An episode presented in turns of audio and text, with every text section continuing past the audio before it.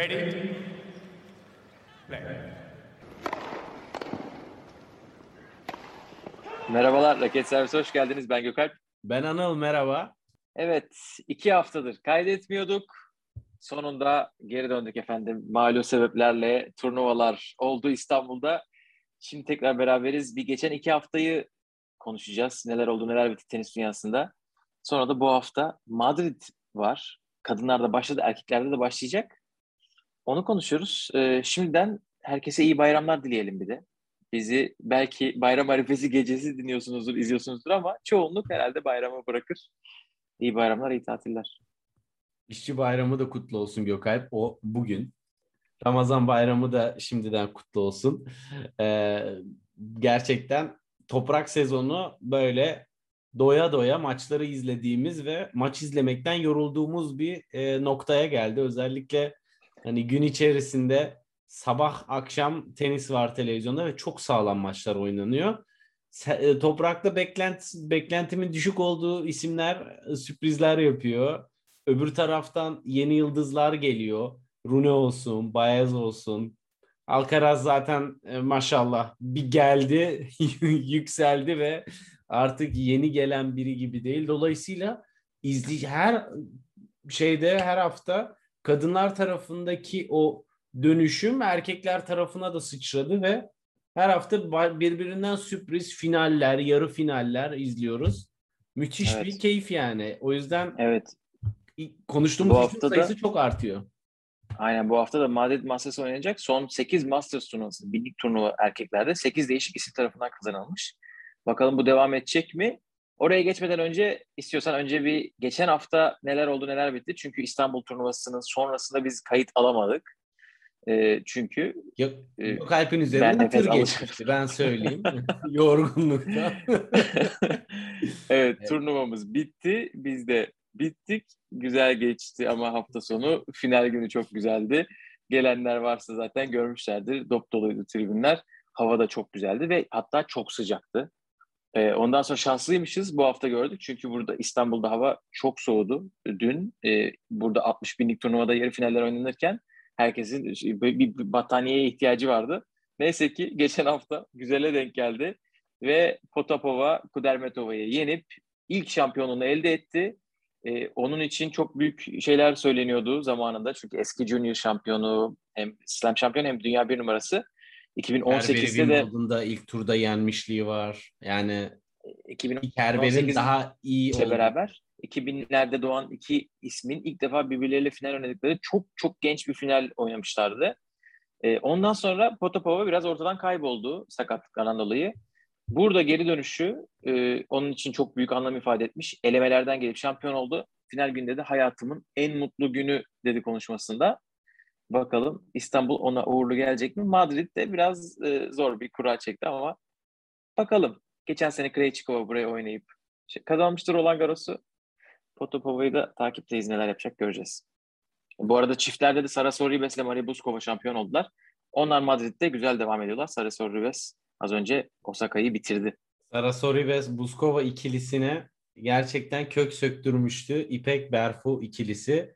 Ee, o da iyi maçtı.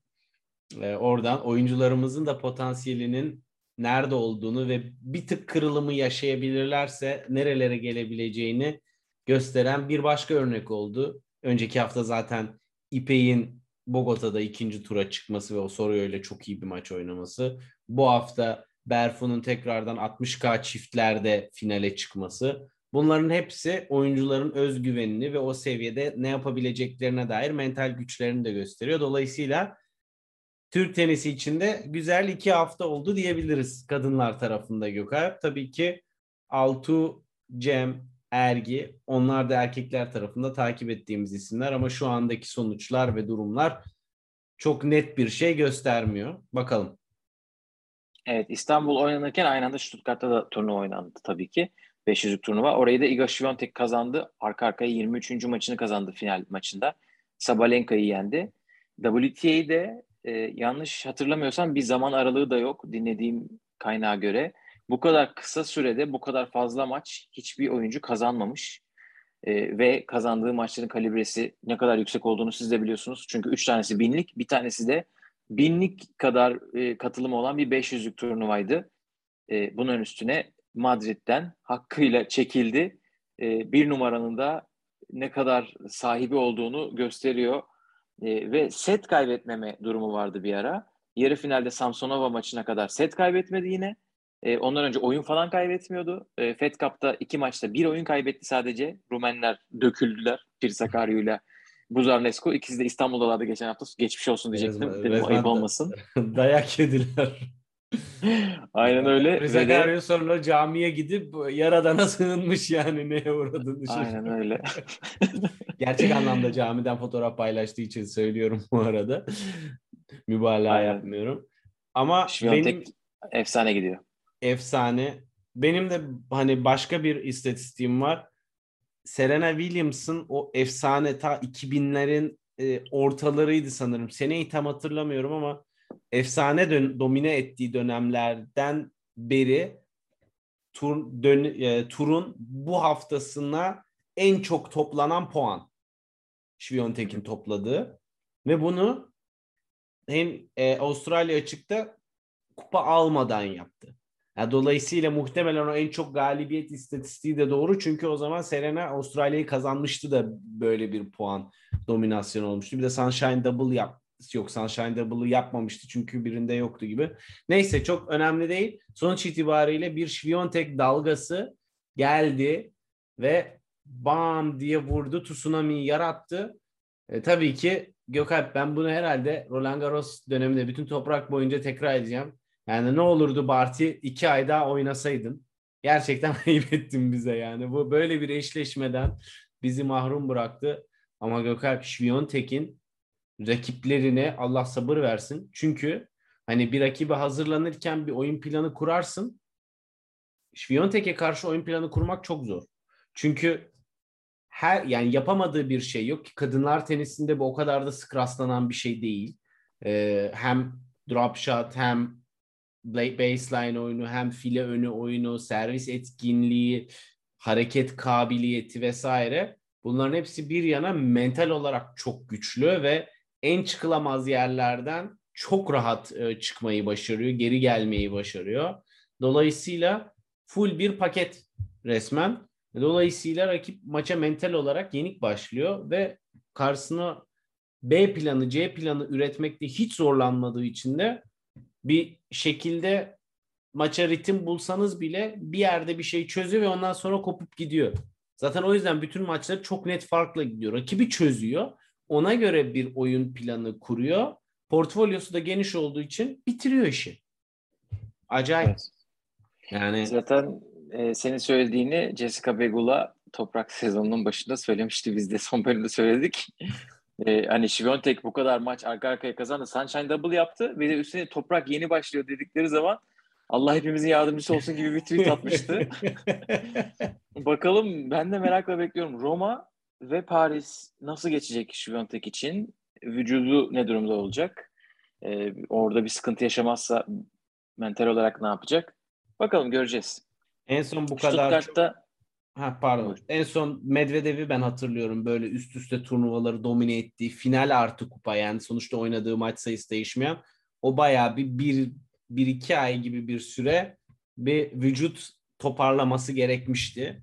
Burada sadece biraz omuz dedi Iga ama tabii tenisçiler hani sağlık durumlarını zaten çok çok bariz bir şey olmadığı sürece saklıyorlar ki rakip ona göre oyun planı kurmasın diye.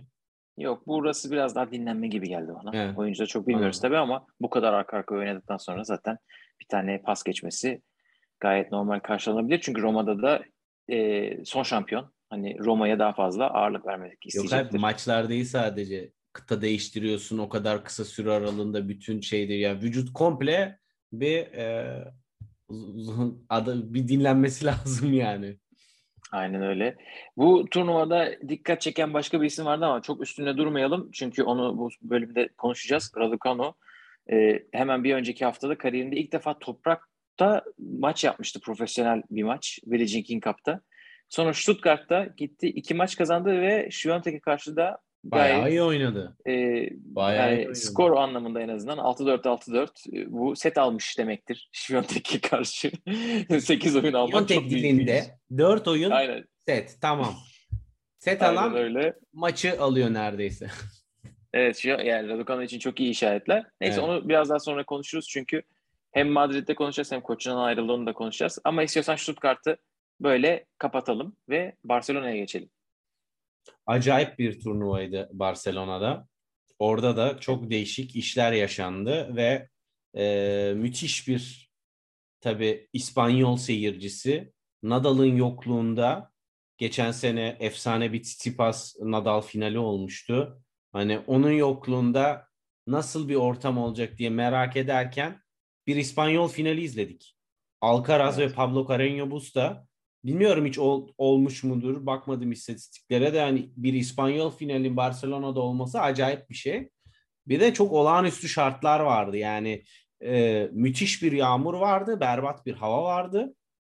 Alcaraz iki maçı üst üste oynadı Cuma günü. İkinci maç Tsitsipas'laydı ve müthiş bir maçtı. O maçtan böyle inanılmaz bitkin çıkması gerekir muhtemelen.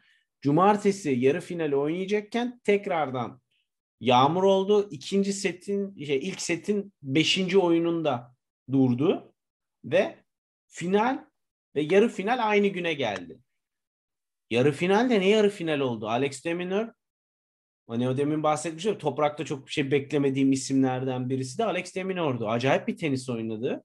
File önü oyununda kullandığı müthiş atletik. Tabii havanın e, serinliği ve yağmurun etkisiyle spinin etkinliği düşüyor. Bu da onun işine geliyor vesaire derken tabii ki acayip bir maç oldu. 3 saati geçti. Ve hani Saat 40 dakika sürmüş sanırım. Evet. Yani acayip, acayip, bir süre. yani yani öyle böyle yorucu bir maç değildi. Müthiş e, maçın bazı sekanslarında hakikaten halleri yoktu. İkinci seti kaybettiğinde Alcaraz resmen o aradan toparlanmak için geri döndü. Bayağı vücudu artık yorgundu. Üçüncü sette bir anda pıt kopardı onu ve e, aldı maçı. İki saat sonra filan oynandı final. Ben dedim ki bu çocuk yorgun çıkar. Artık finalden bir şey beklemez. Hatta arkadaşlarla izliyorduk. Dedik yani tam bu maçtan çıkanan finalde çok bir şey beklememek lazım. Çünkü öyle yıpratıcı bir finaldi. Yarı finaldi. Alcaraz çıktı. Sanki üç gündür e, dinle rehabilitasyondaymış gibi. Öyle bir hareket ediyor. Öyle bir toplara vuruyor ki ne temposu ne ayak hareket kabiliyeti ne de vuruş gücünden hiçbir şey kaybetmedi ve resmen hani böyle easy tık tık tık bir saatte bitirdi maçı neredeyse. Acayip bir şey. Acayip bir şey. Zaten her hafta Alcaraz konuştuğumuz için artık bu şu an bu hafta yoğun. Hani derinlemesine inmeyelim ama yani ben böyle bir fiziksel geri dönüşüm yani vücutta da bir biyoniklik var. Yani insan olan yorulur öyle bir Evet. e, temponun ardından. Neyse. Evet, demek ki ne çok fit, e, izlediğimizi- çok iyi durumda vücudu. E, Acayip. Çünkü bunu yapabilen oyuncular görüyoruz. Yaştan bağımsız. Bunu çok yaşlıyken ya da çok gençken yapmak zor oluyor genelde. Geçen sene bunu Djokovic göstermişti Roma'da. Çok uzun iki maç oynadıktan sonra finalde ben daha oynayabilirdim 2-3 saat daha Evet. Alcaraz'da da aynı şey var demek ki aynı e, direnç vücudunda. Bu sene üçüncü şampiyonluğu, e, ikinci 500, araya da bir tane Masters kazandı tabii. E, Rio'da toprakta 500'lük kazandı. Üstüne Miami, üstüne burası. E, gerçekten mükemmel geçiyor senesi. İlk ona girdi bu turnuvayla beraber. İlk ona giren en genç isim sanırım. olmuş. Aynen. İlk ona giren en genç isim olmuş Nadal'dan beri. Ve turnuvadaki yolu da gayet e, zorlu bir yoldu. Çünkü son finalist Tsitsipas e, çeyrek finalde oynadılar. Çeyrek ona karşı durumu 3-0 yaptı. 3 maçın 3'ünü de kazandı. Bu arada hem toprakta hem sert kortta. Onu bu sene yendi. E, geçen sene de zaten Amerika açıkta o çok güzel maçları 5 setlik. Orada da yenmişti. E, üstüne yarı finalde minor maçı, finalde de Pablo Carreño çok iyi gidiyor. E, Madrid'de Nadal'ın tarafında bakalım ikisi de çeyrek finale yükselirse geçen sene çok beklediğimiz ama Alcaraz'ın smaca çıkarken karnını sakatlayıp maçtan düştüğü ve beklentilerimizi karşılamayan maç bu sefer olacak mı? Göreceğiz. Açıkçası İstiyorsan Belgrad'a Heh, yani e, Djokovic, Alcaraz, Nadal aynı turnuvada çok ilginç bir Madrid bizi bekliyor gerçekten. aynen öyle. Bir Belgrad'a geçelim. Belgrad'da da 250'lik turnuva oynandı geçen hafta. Barcelona'nın oynandığı hafta. Orada da Novak Djokovic'in dönüş turnuvalarından birisiydi tabii o. ilk turnuvası değil ama e, Djokovic'in ilk e, turnuvalarından yine o, o Avustralya şeyinden beri Djokovic ne yaptı etti. 3 setlik maçlar oynaya oynaya finale çıktı ama Andrei Rublev'a finalde kaybetti. Orada da 3 setlik bir maç oynadı. Diğer maçları gibi ilk seti kaybedip ikinci seti aldı. Ama bu sefer Rublev 6-0'lık bir son sette şampiyon oldu Belgrad'da. Neler dersin? Açıkçası Djokovic'in ben genel olarak oyununu oldukça beğendim. Ee, tabii ki hani skora bakılırsa her tur set kaybetti şöyle böyle ama bu temel olarak ana bir noktanın sıkıntısından kaynaklanıyordu. O da servis ritmi ve maçlara girerken ki basit hatalarını e, ve oyun planını kurmakta biraz e, paslanmış olması. Ama her maç içerisinde bunu geliştirdi. Hani Veseli maçında çok rahat sürklase etmişti Veseli. Servis voley gibi agresif bir oyunla. Aslında Djokovic'in en iyi yaptığı şey agresif oyuncuları pasifize etmek vesaire. Ee, burada tabii toprakta bu e, sert oyun tabii çok da sökmüyor. Ama özellikle Rublev maçında şu göründü. Bir pili bitti. Gerçekten pili bitti. Çünkü ilk seti kaybettikten sonra bir dinlendi, bir geri geldi ve iyi bir seviye gösterdi. Ama setin sonlarına doğru baya yani böyle son gücüyle o seti aldı. Ee, ve oradan artık son sette bitmişti fiziksel olarak. Zaten sonrasında yaptığı açıklamada da işte bir hastalık geçirdiğini, Covid olmadığını bunun ama işte e, bundan hala geri döndüğünü vesaire söyledi. E, muhtemelen burada şeyi de e, Davidovic Fokina maçını da kapsıyor bu. E, ama e, Madrid'de daha da bunun üstüne koymuş olan bir e, Djokovic izleyecek seyirciler diye düşünüyorum. Rublev'in formunu yine çok beğendim. Fakat yine aynı eksiklikler devam ediyor. İkinci servis çok büyük sıkıntı ve o bir B planı hala yok ve artık hani bu ATP 500 seviyesinde birçok kupası var. E, Masters'da e, kazandı ama o bir tık üst seviye Grand Slam adayı olmasından bence hala çok uzak. Çünkü komple Masters bir oyuncu hala olamıyor. Daha Masters'ı yok galiba. Kazanmadım. Finalim vardı. Pardon. Ben şaşırdım. Aynen. Onu da bir yapsa en azından bir adım daha ilerlemiş olacak. Ama hala Ama e, büyük oyuncu kategorisine girecek e, yetenek e, şeyleri silahlarının sayısı sınırlı. Ama sil- Aynen bakalım. Sahip olduğu silahlar çok çok kuvvetli. Yani hem forehand'i hem de birinci Tabii. servisi çalıştığında müthiş etkili. Ee, ama işte bunların tıkandığı bir güne veya bir sete tek gel, denk geldiğin zaman Grand Slam'de gidiyor işte. Yani tabii. zaten zaten 5 5 numara olamazsın yani bu, evet. bu kadar hani güçsüz biz tabii beklentiler çok yüksek olduğu için biraz daha güçsüz noktalarına odaklanıyoruz ama dünya 5 numarasına çıkmış bir tenisçiden bahsediyoruz. Ee, diyelim ve bu haftaya gelelim istersen. Evet. Bu hafta neler oluyor? Bu hafta erkeklerde turnuvalar oynandı. Çünkü Madrid her sene olduğu gibi kafamızı karıştırıyor. Kadınları böyle erkenden başlatıyor. Onun için Madrid'in kadınlar turnuvası başladı ama erkekler daha başlamadı. Erkeklerde Estoril ve Münih oynandı. Estoril'de Sebastian Baez şampiyon oldu. Francis Tiafoe'yu geçti finalde. E, çok da e, güzel bir e, turnuva galibiyeti. Joao Souza e, yani ev sahibi isim. Marin Cilic üstüne Richard Gasquet ki Gasquet iki iyi ismi geçip gelmiş çeyrek finale. E, ilk seti de almıştı. Üstüne yarı finalde Albert Ramos, finalde de Francis Tiafoe'yu geçip şampiyon olmuş Sebastian Baez. Bütün hafta kameraya why not me yazıp sonunda da kazandıktan sonra yes it's me yazmış. Güzel hareket olmuş. Ve hatta evet. bunun galiba Francis Tiafoe'dan Tiafoe'nun, esinlenmiş. Evet. Bir, onun bileklikleri varmış. Evet, aynen öyle. Finalde de e, onu yenmesi ve onun üstüne zaten Tiafoe onun şampanyasını patlattı. Gayet iyi ortam vardı. Sebastian Baez'i tebrik ederiz. Zaten toprakta bu sene bir bakalım diyorduk. Çünkü geçen sene toprakta değil, hızlı sert kortta bile neler yapabileceğini göstermişti e, Milan'da. Ki zaten toprakta da çok challenger kazandı geçen sene. En çok kazanan isimlerden birisi. Bu sene bakalım neler yapacak yeni nesil Schwartzman. Göreceğiz. Evet. Ee, Sebastian Baez'in oyunu geri çizgiden bayağı etkili. Tipik bir Güney Amerika oyuncusu. Ee, hafif slice'ı ve kiki yüksek servis çeşitlilikleri var. Zaten boyu da çok uzun değil. Ee, geri çizgiden çok e, baseline'ın 2-3 adım gerisinden oynuyor. Sürekli topu geri yollama üzerine kurulu oyunu ve e, çok hızlı. Gerçekten çok iyi hareket ediyor. Ha bir Alek Alcaraz kadar hızlı hareket ediyor mu? Hayır ama zaten hani öyle bir seviyede konuşmuyoruz. E, fakat tabii ki oyununa hala ekleyebileceği şeyler olması da bence çok umut verici. Boyunun çok uzun olmamasından kaynaklı file oyununu çok kullanmayı tercih etmiyor ama bunu ileriki seviyelerde daha yaşı da genç kullanmayı tercih ettikçe daha komple bir oyuncuya dönüşecektir diye umuyorum. Ama defansif anlamda çok iyi bir oyuncu. İlk sette, finalin ilk setinde e, çünkü zaten hani önceki turlarda da e, geçtiği isimler daha toprakçı isimler. Ramos, Vinolaslar, Gaskeler, zaten Souza bunların hepsi e, toprakta güçlü olan isimler. Yani toprakçı toprakçıya karşı eşleşmede Baez'in çok iyi olduğu yönler var.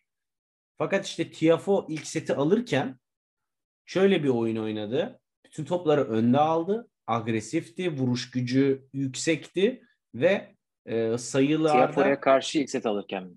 Efendim? Tiafoe'ya karşı ilk set alırken mi diyorsun? Evet evet. 6-3 yani 6 şey, şey Tiafoe'ya karşı oynadığında e, şeyde Evet evet pardon ilk, ya, ilk set değil şeyi ilk oyunları 2-0'a gelmişti maç. Çok pardon. Maç 2-0'a gelmişti ve o 2-0'a geldiğinde maçın başlangıcında Tiafo müthiş agresifti. Üçüncü oyun vardı e, Baez'in. Az daha 4 tane filan sanırım break'i vardı Tiafo'nun ve e, 3-0'a gelmesine çok yakındı. Fakat oradan sonra e, Baez rakibin gücünü biraz pasifize etmeyi çözdü ve oradan maçı çok rahat sürklase etti. Bir anda bitirdi seti. Yani 3-0 olacak, 0-3 olacakken 6-3 set bitti. Ve orada TFO biraz ikinci sette zaten vitesi düşürdü. Ee, ama o anlamda Baez'in işte agresif oyunculara karşı sert zeminde zorlanmasının temel sebebi de o. Biraz vakti azaldığı zaman, kortun açısı genişlediği zaman, kortun çok gerisinde olduğu için orada bayağı sıkıntı yaşıyor çünkü çok geride. Ee, tabii tabii. Yani genel toprakçı profili zaten bu. Aynen. Ama bence hızlı bir oyuncu. Çok hızlı. Zaten hızlı olmasa bence yani ya tamam Deminor'la Alcaraz çok çok çok hızlı olabilirler ama onlar kadar hızlı olmasan da zaten toprak şampiyonlukları elde edebiliyorsun. Tabii. Ee, bence can yakar. Bu turnuvada bir, bir de son bir isim konuşmak lazım bence. Önemli.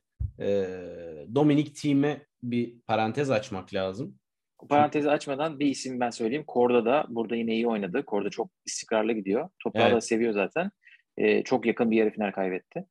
Ee, ona da bakacağız neler yapacak. Evet yani turnuvada daha çok isim var. Felix'in bir talihsiz bir gidişatı var. Seneye çok iyi başladıktan sonra bir anda bir düşüşe geçti. Ama o onları konuşmadan önce bir team'e biraz dokunmak lazım bence. Çünkü team'in iki noktası çok iyi. Bir servisi gerçekten etkili. Hani tamam daha istikrar çok yüksek değil vesaire ama o ilk 10 tenisine servis anlamında geri dönme sinyalleri çok yüksek. Backend'i hala aynı saldırganlıkta ve e, sertlikte ve spin de çok etkili. Fakat bir çok büyük kritik nokta var. Forehand'i. Forehand'i o kadar yumuşak, o kadar etkisiz ve o kadar korkuyor ki yani e, bir tane tanıdığım anlattı. Avusturya'da Avusturyalı biriyle e, antrenman yaparken karşısındaki çocuk şey demiş.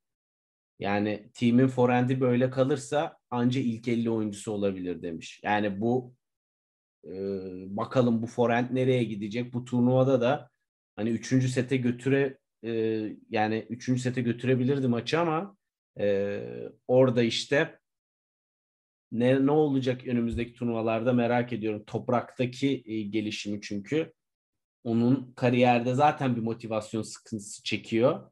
eğer ki bu top 10 oyununa geri dönemezse, Forente onu yarı yolda bırakırsa e, benden bu kadar deme olasılığı yüksek. O yüzden önümüzdeki turnuvalarda Böyle bir sıkıntı mı çekiyor ya? Motivasyon sıkıntısı var mı bu çocuğun? Var. onda varsa- US Open'dan sonra motivasyon sıkıntısı çekti. Tabii ben ya tabii tweetlerde bir şeyler yazıyor hani işte şöyle üzgünüm böyle şeyim falan ama çok bu e, forehand tarafı çok büyük problem şu anda Dominic Thiem cephesinde. Evet gitti Andy Murray'i çekti ilk turda. e, Madrid'de Madrid'de. nasıl bir maç göreceğiz? Aynen. İki kötürüm tövbe tövbe. Bir kalçasız, bir bileksiz. Aynen bakalım Yok, inşallah e, Ve Burada team- ne hale soktuk kendimizi dedik. İlk defa dinleyenler neler düşünecek? Evet, team'i e, ne diyelim? Yani iyi şanslar dileyelim. Ya ben hiç izlemediğim için iyimserim. Team'i geri dönüşünü hiç izlemedim. Challenger'larda da izlemedim. Geçen hafta da izlemedim. Onun için bir yolunu bulur gibi geliyor. Yani Del Potro nasıl backhand'de slice'a geçmişti. Tabii forehand'de öyle bir şey yapmak, e, kompanse etmek. Bekel Kolay Bekel değil adam ama. çift el forente mi geçer acaba? Ya mesela yani öyle değil tabii ki ama e, bilmiyorum. Herhalde o kadar kötü durumda olsa denemezdi gibi. Bakalım. Bakalım göreceğiz. İstiyorsan Münih'e geçelim. Evet Münih'e, e, Baviera havasına ve e, başka bir genç, sürpriz gence geçelim. Holger Rune. Wildcard'la Holger Rune girdi burada buraya. şampiyon oldu. Son anda Evet, geldi. wildcard- Wildcard alıp girdi.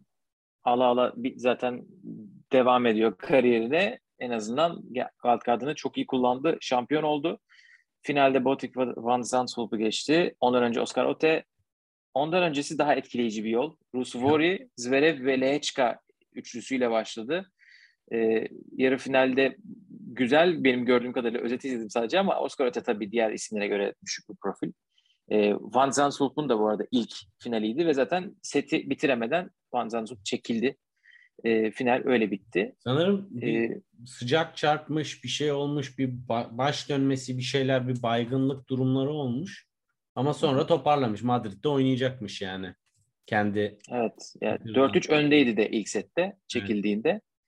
Ama Holger Rune için tabii çok önemli bir şampiyonluk. İlk defa şampiyon oluyor. 2003 doğumlu e, hani Alcaraz bizi yanıltmasın. 2003 doğumluların ATP şampiyonluğu kazanması kendi başına çok çok büyük bir olay. Holger Rune de onu yapabilenler arasına girdi. E, kendisini tebrik ederiz. Bu isimler dışında Ketmanovic de çok iyi gidiyor. E, çok istikrarlı Burada gidiyor. Yarı finalde çok gördü. yakın bir maçta kaybetti Van Zandvoort'a. Yani Keçmanovic'in turnuva sonuçlarından bağımsız kaybettiği isimleri incelediğinde düşük profilli kimseye pek maç kaybetmiyor Gökalp.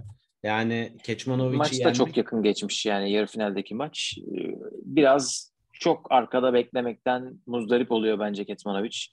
Ee, artık hadi gel öne, artık hadi bitir sayıyı dediğin sayılarda gelmeyip gelmeyip uzuyor maçlar ama çok kaliteli oynadığı için arkadan bir şekilde almayı başarıyor ama her maçta yapamıyor işte bunu.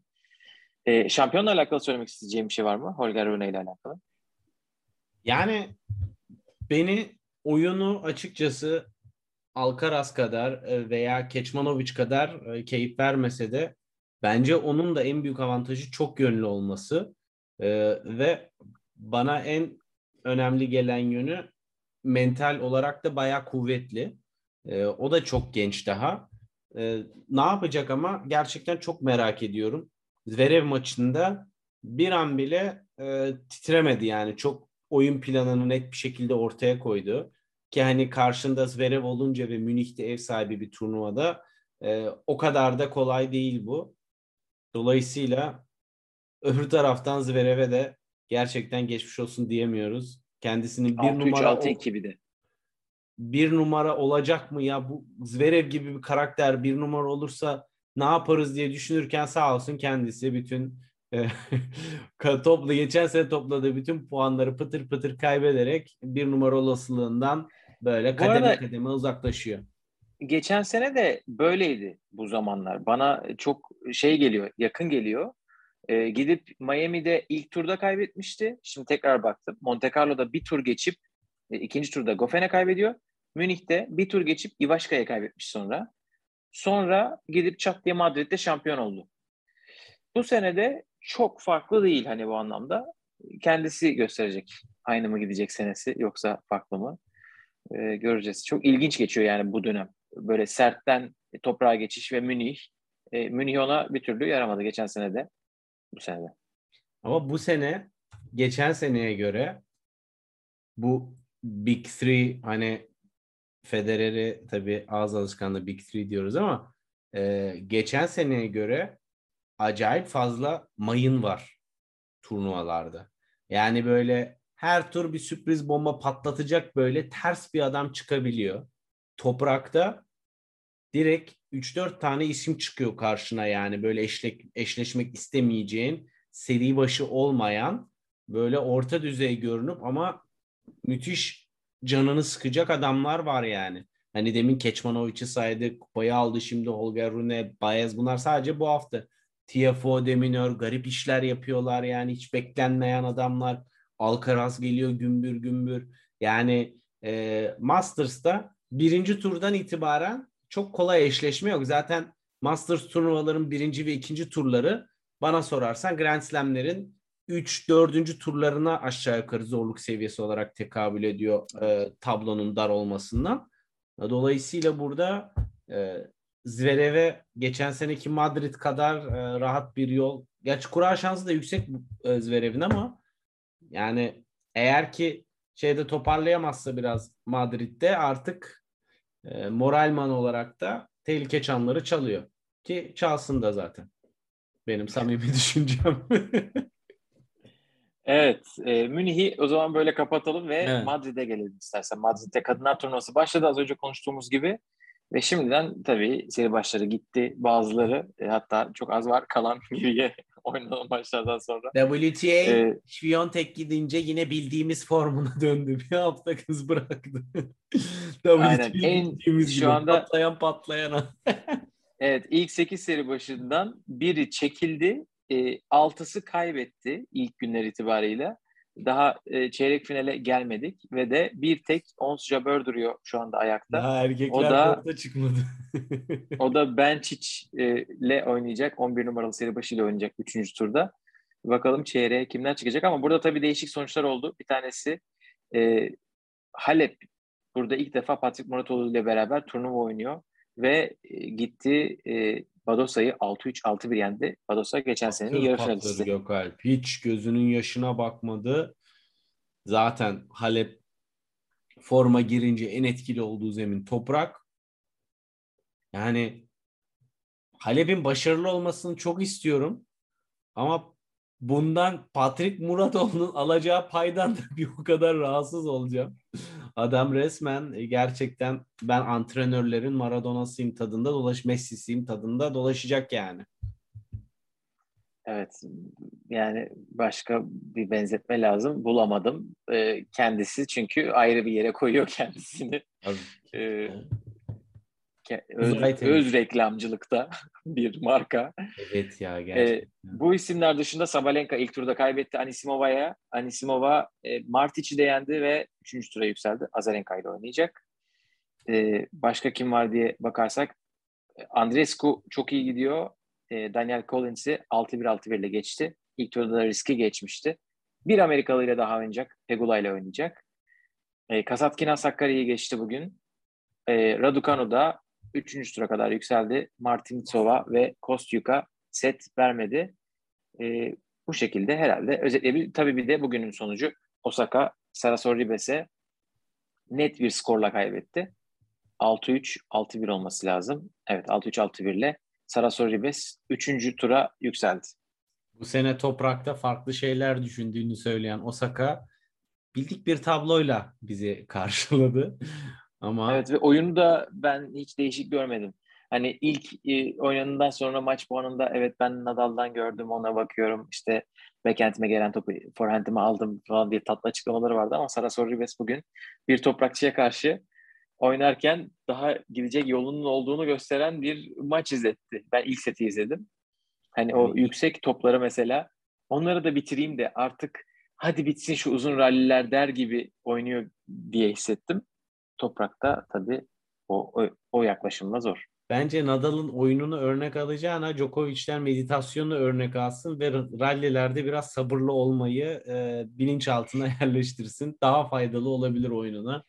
Ya zaten hala çok seçimi. düşük, çok düşük marjlarla vuruyor e, toplara. Dolayısıyla rally biraz uzadıkça hata gelme olasılığı çok artıyor. Evet, bence vuruş seçiminde daha çok sıkıntı var gibi hissediyorum ben. Sabıra kıyasla e, hala böyle sert kortta oynar gibi. Evet.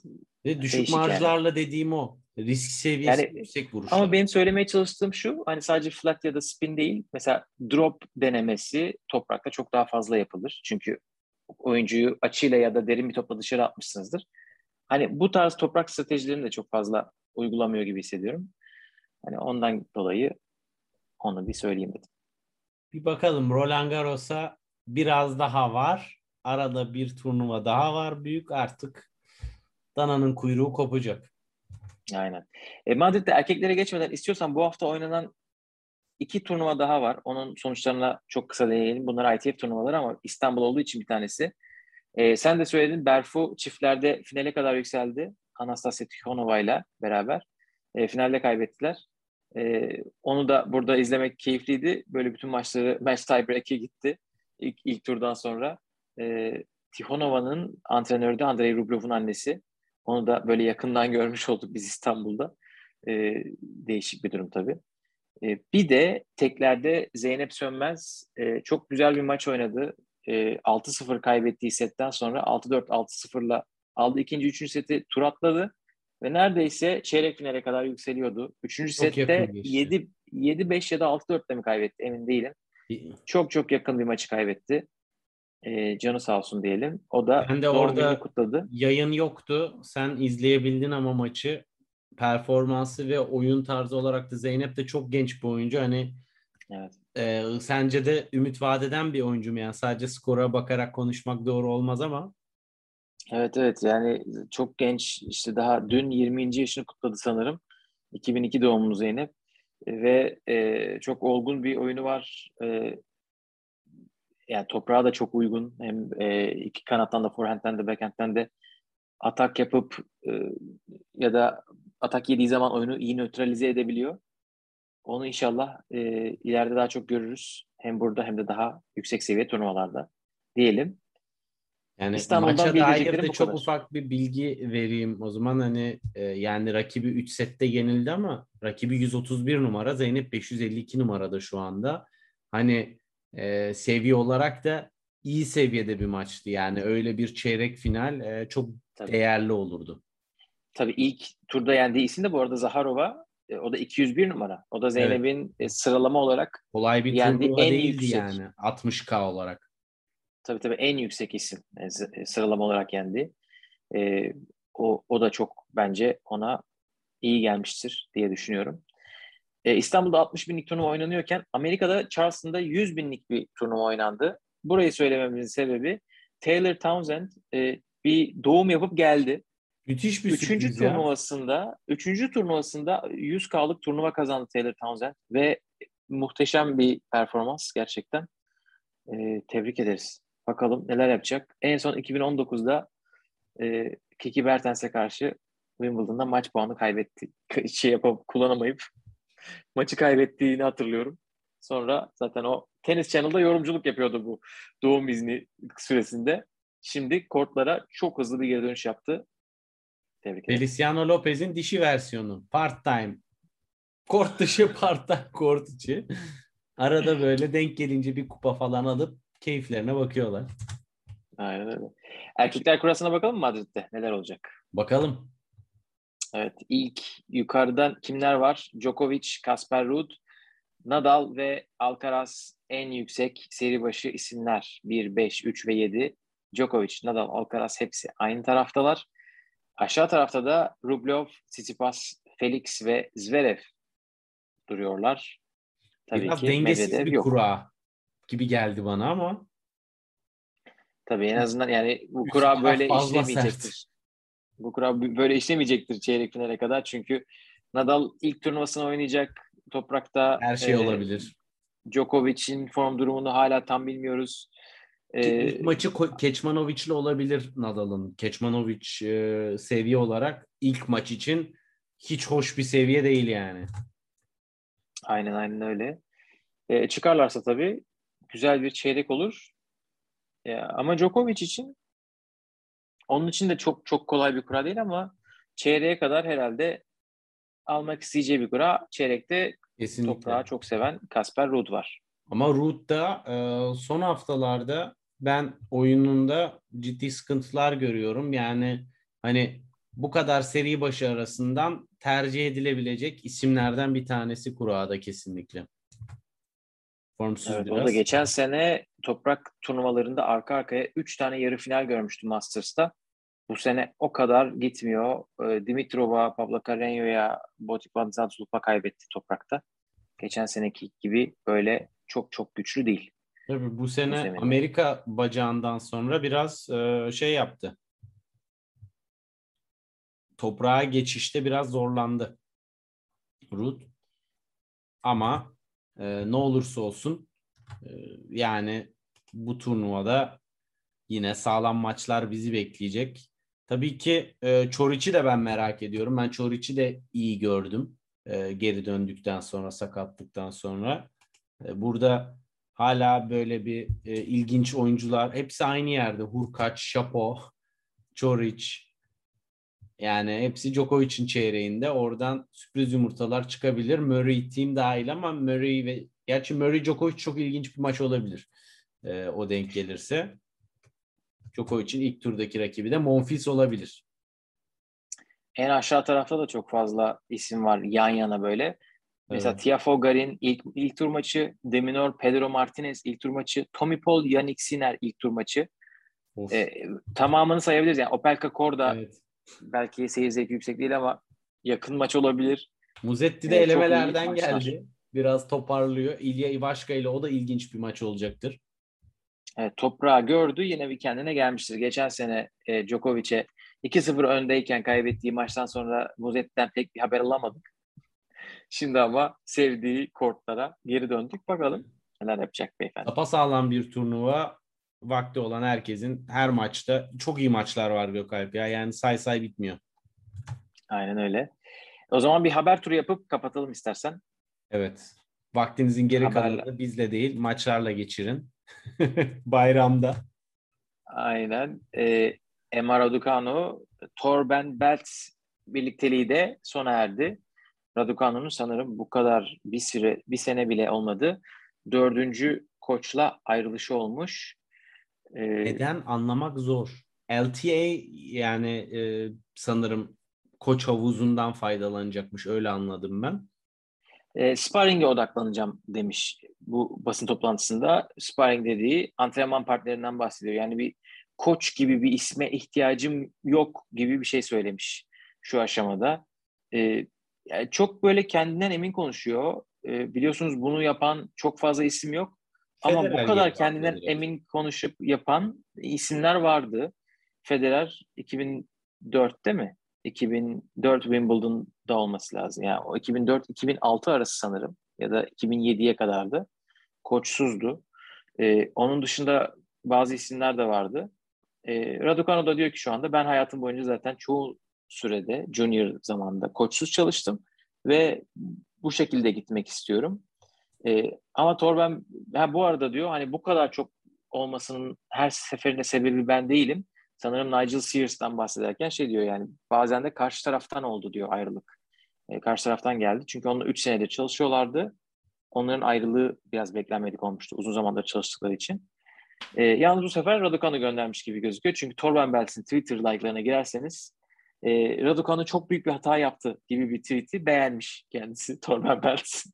Onun için e, işte çok büyük bir çok büyük bir hayal kırıklığı. Yokay Holmes part-time turnuvalarda, organizasyonlarda, part-time podcast, part-time dedektiflik her şey olur. bir arada. Her türlü olur. Aynen. Bakalım Raducanu neler yapacak ama Madrid'de de iki maçını kazandı. Stuttgart'ta iyi gitti. Çatır ee, çatır. Göreceğiz. Şu anda tabii üstünde çok fazla şey var. Herkes onun hakkında yorum yapıyor. Çok hem medyatik hem böyle çok para kazandığı için hem de O e, zaten Gökay. çok hem de böyle çok e, alışılmadık yollardan gittiği için işte sürekli koç değiştirmedir, odur budur. Bir anda Üstüne geldi. şey senelerdir buralardayız. Kimse bize bakmadı. Kimse bize kontrat sponsorluk vermedi. Bu kız bir geldi. Herkes para yağdırıyor kıza. Biz neciyiz kafasına giren birçok isim vardır elbette. Evet. 10 tane maç kazanırsa bir isim Grand Slam'de onlar da istesinler sponsorluk. Ee, ama böyle yavaş yavaş gidiyoruz. Onun üstünde inanılmaz bir baskı olacak büyük ihtimalle Wimbledon zamanı. İngiltere basını onu yiyip bitirir diye tahmin ediyorum. Tabii. Özellikle e, İngiliz medyası her açıdan zaten Raducanu'nun en ufak bir şeyi şu anda haber değeri. Yani İspanya'da nasıl bir Alcaraz fırtınası esiyorsa şu anda bütün acayip bir reyting makinesi Alcaraz İspanya'da. E, Raducanu da İngiltere'de ve tabii İngiltere'nin alanı da küresel medyada biraz daha etkin olduğu için çok daha yaygın. Bakalım. Aynen. Bir koç haberi daha. Bunu zaten konuşmuştuk. Patrick Muratoğlu. Ee, koçluk haberi mi diyeyim yoksa kendine Ego haberi bir- mi, kibir mi, pazarlama Aynen. mı, PR mı, ne dersen de. yani Simona Halep'in influencer'ı mı diyeyim? Hani öyle bir koçtan bahsediyoruz. Artık ciddiye almakta zorlanıyoruz. Akademisindeki koçlar çok iyiymiş, onu duyduk ama kendisi konusunda çok iyi bir TikTok e, kullanıcısı olduğunu biliyoruz Patrick Muratoğlu'nun. E, ben de senin hissiyatını paylaşıyorum. Halep kazandıkça içimde bir üzüntü oluyor artık. Sırf Muratoğlu yüzünden. Yani takım adımız ne olsun da demezsin be kardeşim sosyal medyada. Takım adınız çünkü Simona Halep'tir. Yani sen onun çalışanısındır yani. Sen ona ekmek banmaya çalışmayacaksın yani bu kadar hani beni de onun yanına alın.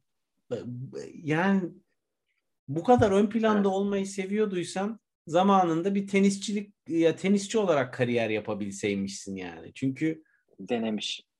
işte Herkes yolunu buluyor be kardeşim. evet. onun yolundan Muratoğlu- gidecek olanlar da vardır. Yani kesin. Muratoğlu tabii bunu ilk duyururken hatırlarsınız. İşte Serena ile konuştuk. Bana izin verdi. Tadında şeyler de yazmıştı Instagram'ına. Ee, ilk başta olmamıştı falan filan. Sonra Şimdi- Simona'ya ben şu anda hiç düşünmüyorum dedim. Sonra baktım bir süre sonra. Aynen. Aynen aynen. Böyle dramatik Hadi be şu kızın elinden tutayım dedin. Yine ona kupaları kazandırayım dedim. Aynen öyle. E, tabii bununla bağlantılı iki haber Amerika'da. Bir tanesi Francis Tiafoe menajerlik şirketinde IMG'ye geçmiş.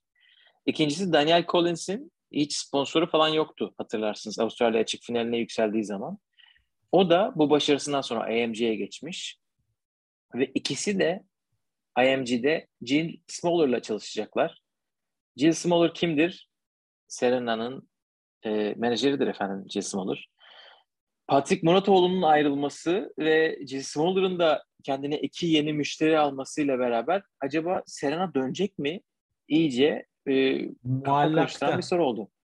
Aynen Wimbledon'da döneceğim falan demişti ama bunlardan Onun sonra olma olasılığı e, gün geçtikçe yükseliyor. Çünkü yani geri dönüşünü Wimbledon'da yapmazsın. Toprak sezonu bitmek üzere.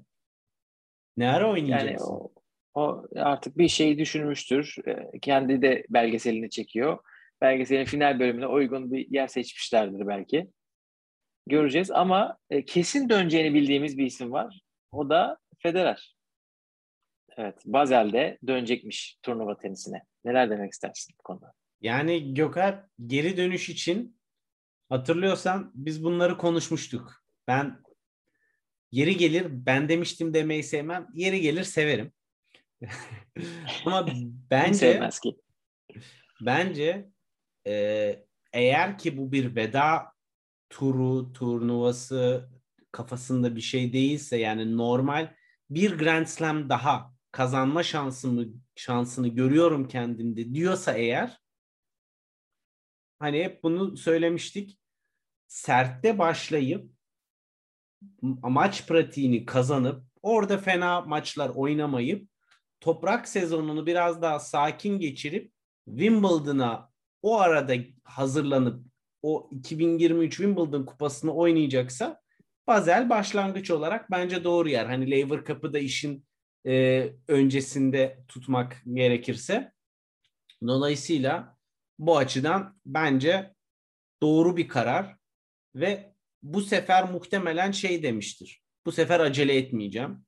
Çünkü Wimbledon'ı kazanmayı kazanabileceğine inanıyor. Yani e, onu zaten hani bir kupa daha kazanacaksam Wimbledon'ı kazanırım diye düşünüyor. Dolayısıyla öncesinde maç pratiğim olsun diye toprakta başlayınca ve Wimbledon'dan sonra bir seneyi daha beklememek için acele edince işte hayatında hiç yaşamadığı bir şeyi Wimbledon'da 6-0'lık bir seti gördü. Maçtan çekilmeme prensibi olduğu için sakat sakat oynadı Hurkaç'a karşı. Ee, yani böyle bir duruma bence bir daha düşmek istemeyecektir.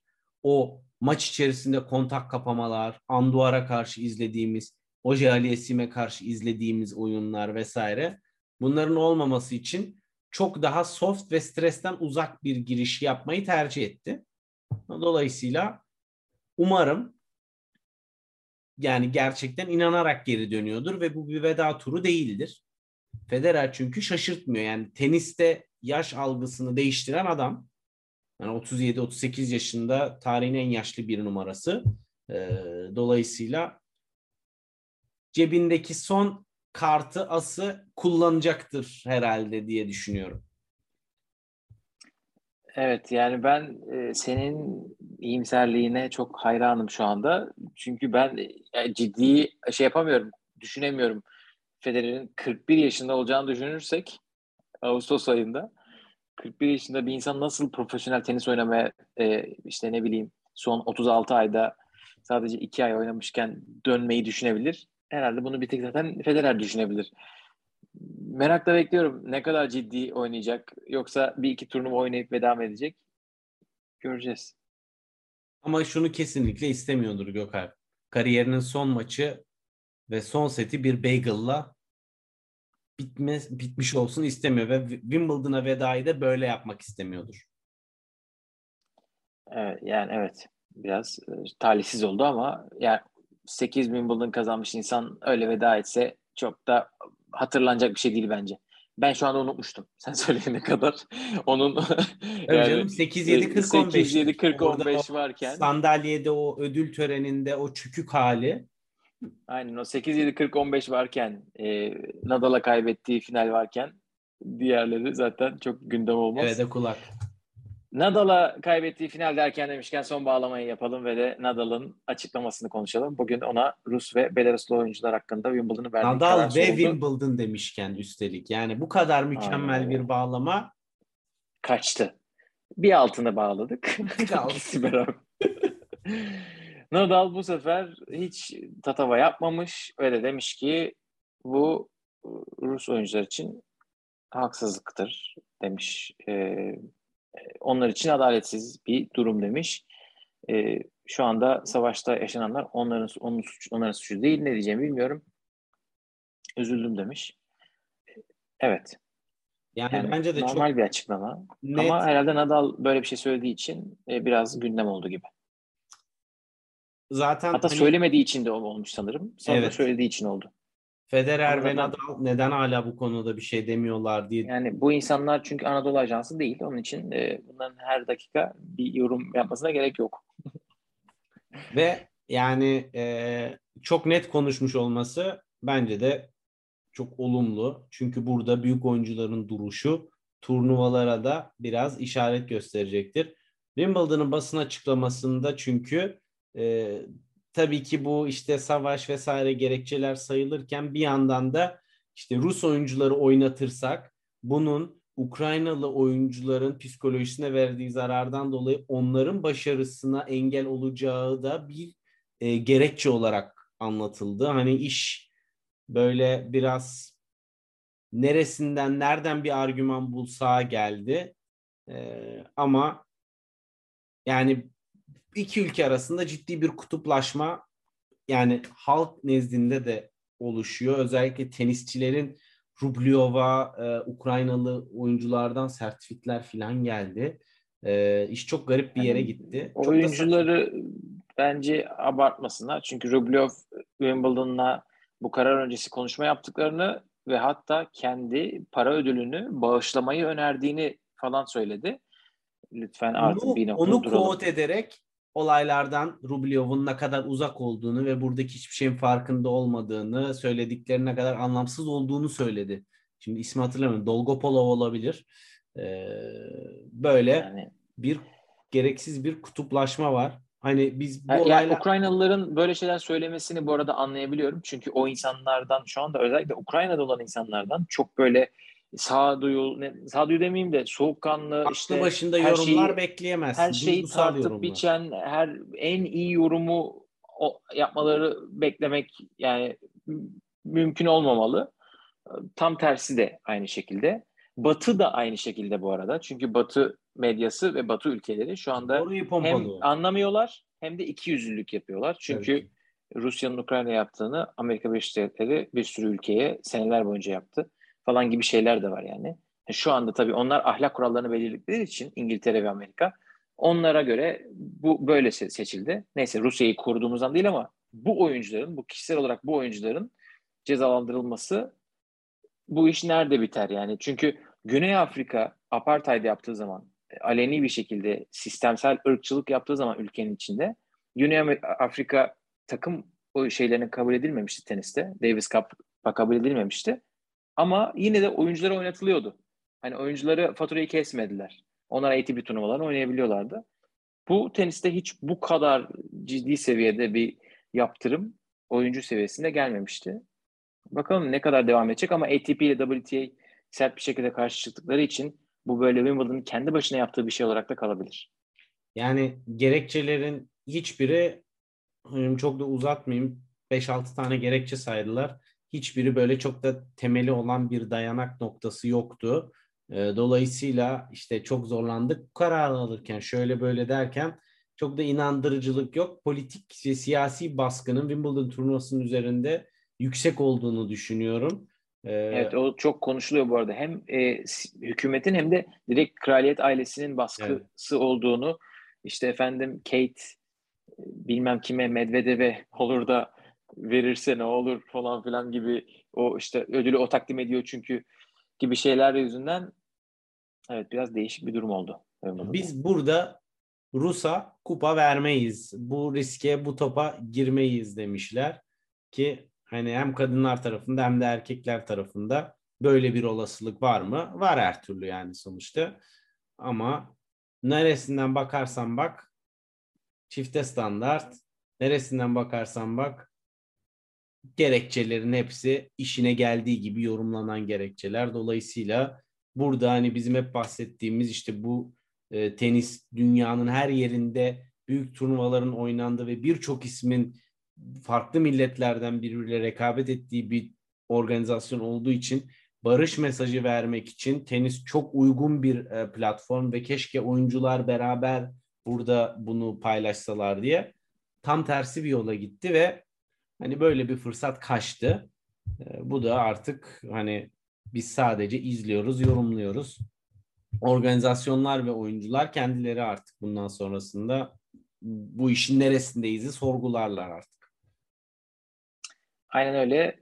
Evet, bu haftalık bu kadar diyelim. Bu hafta bayram haftasında bizde Madrid oynanıyor. Erkekler, kadınlar da göreceğiz. Bakalım neler olacak. Madrid sonrası yine bir kayıt yaparız. Herkese iyi akşamlar. Görüşmek üzere. İyi Hoşça kalın. haftalar, iyi bayramlar. Hoşçakalın.